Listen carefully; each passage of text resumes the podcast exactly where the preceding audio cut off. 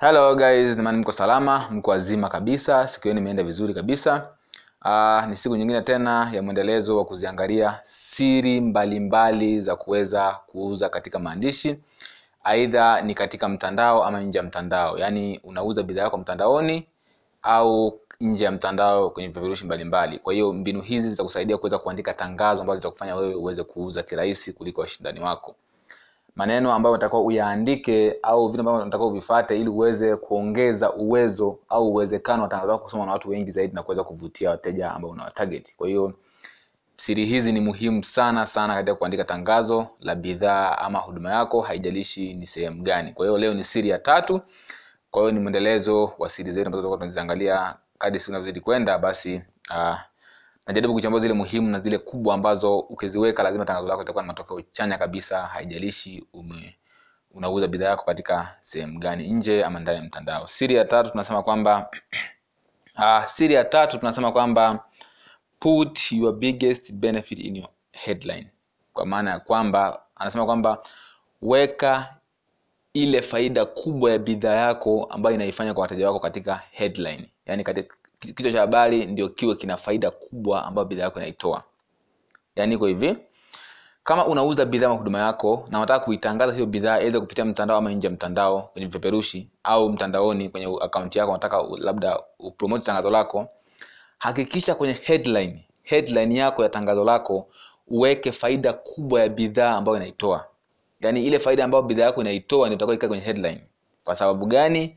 Kwa sababu hii hapa wanasema asilimia stini ya watu wote husoma headline tu asilimia tisini, asilimia stini ya watu wote unapoandika tangazo ni nje ndani ya mtandao wanasomaga kichwa cha habari tu. Kichwa cha habari ndiyo kinachobeba tangazo lako. Kwa hiyo ndio unashauriwa uandike faida kubwa au faida ambayo mteja wako ataipata baada ya kununua bidhaa yako ile ambayo kubwa kuliko zote ikae pale kwenye kichwa cha habari. Ili mteja anapoangalia vup tangazo lako akutana na faida moja kwa moja. Hiyo ndio njia pekee ya kuweza kumfanya mteja asimame ili aweze kusoma siri zingine au ili aweze kusoma faida zingine ambazo atazipata baada ya kununua bidhaa ama huduma yako. Iko hivi. Unasema binadamu wa kawaida kwa sasa hivi kutokana na mtandao wa internet na, na, na, na, na biashara kuwa nyingi anakutana na matangazo mia mbili na arobaini na saba kwa siku mtu wa kawaida kwa sasa hivi anakutana na matangazo mia mbili na arobaini na saba kwa siku kwa sababu kuna ushindani mwingi na kuna biashara nyingi kila siku. Aidha ni nje ya mtandao. Yaani toka anavyoamka asubuhi mpaka mpaka usiku lazima kwa siku akutane na matangazo sio chini ya mia mbili na arobaini na saba. Sasa ni kitu gani kitamfanya mteja huyo asome tangazo lako hata la mwenzako? Kwa sababu kwa sababu wewe umeandika faida juu kabisa pale kwenye kichwa cha habari. Kwa hiyo itamfanya asimame ili aweze kusoma tangazo lako kwa sababu ameona faida ambayo inamgusa moja kwa moja katika kichwa cha habari cha tangazo lako. Okay? Kwa hiyo ni kitu cha msingi sana hicho sana sana. Na ndio siri ambayo ni kubwa mno. Kwa hiyo jitahidi sana uweke faida ya bidhaa ama huduma yako katika kichwa cha habari ili mteja anapoona kichwa cha habari vup ili iweze kumvuta kwa sababu watu wanunua kutokana na faida za bidhaa ambazo itawafanyia wao.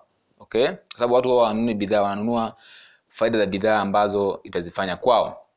Kwa hiyo unapoweka faida ya bidhaa yako ambayo ni kubwa juu kabisa pale mteja anapoona vup anakutana na faida. Kwa hiyo anaona kwamba hii kitu ni kwa ajili yangu kwa hiyo ndipo atazidi kusoma zaidi ndani ya tangazo lako ili aweze kuona faida zingine nyingi zaidi. Kwa hiyo basi siri ya tatu weka faida kubwa ya bidhaa mahuduma yako katika kichwa cha habari cha tangazo lako. Wanasema put your biggest benefit in your headline. Yaani weka ile faida ambayo bidhaa yako inaifanya kwa wateja ile kubwa kabisa kuliko zote ndio iweke pale kwenye headline au kwenye kichwa cha habari cha tangazo lako ili iwe kama chambo ya kuwavuta wateja baada tu ya kuona tangazo lako. Kitu kingine ambacho cha msingi zaidi hakikisha kichwa cha habari kiwe kifupi. Wanasema wa, mteja wa, tangazo ambalo kichwa cha habari kifupi linakuwa na uwezekano mkubwa zaidi kuteka wateja wengi kuliko kichwa cha habari kirefu. Kwa sababu watu ha, hawana uvumilivu kusoma, kusoma maneno mengi. Wanasema binadamu wa kawaida anaweza kuangalia maneno matano kwa mwangalio mmoja vup akaona maneno matano. Kwa hiyo hakikisha tangazo lako liwe ni fupi na ndio maana namba za simu ziko kumi tu. Kwa sababu kumi ni uwezo wa kawaida wa binadamu kukariri, ma, kukariri maandishi kumi. Binadamu wa kawaida nasema wa, wa, wa yote ya elimu. Ndio maana namba za simu hazikuwa nyingi zaidi ili mtu aweze kuzikariri na hiyo na, na hivyo ndivyo kwenye matangazo. Kwa hiyo hakikisha kichwa cha habari kiwe kifupi ili mtu anavyoona tu vup aweze kuweka kichwani na, na, na, na, na kutambua moja kwa moja ajue nini kinaongelewa hapa. Kisiwe kirefu ili mtu apate shida tena kuanza kusoma mara muda unaenda. Kwa sasa hivi watu hawapotezi muda kwa sababu wanakutana matangazo mengi sana kwa siku. Kwa hiyo hakikisha kichwa cha habari cha tangazo lako kiwe ni faida ambazo bidhaa mahuduma yako inazitoa kwa wateja wako. Ile faida kubwa ya kwanza kabisa ambayo bidhaa inaitoa ndio inatakiwa iwe ya kwanza pale juu kabisa kwenye kichwa cha habari cha tangazo lako. Hiyo ndio siri ya tatu ya kuandika matangazo yenye kuleta mvuto au yenye kuvuta wateja wengi katika mtandao ama nje ya mtandao kwenye vipeperushi vya kawaida. Kwa hiyo nataka uichukue hiyo. Okay? Kwa hiyo ni kitu cha msingi sana ambacho nataka ukifanye. Kwa hiyo nasisitiza hakikisha kichwa cha habari kiwe kifupi kisiwe kirefu. Na vile vile kichwa cha habari kiwe kimebeba faida kubwa za bidhaa ama huduma ambazo inazitoa. Hiyo ni kitu cha muhimu sana katika siri hii ya tatu ambayo naweza kushia na nyinyi kwa siku ya leo. Kwa hiyo leo naomba mchukue hiyo. Ni kitu cha msingi sana.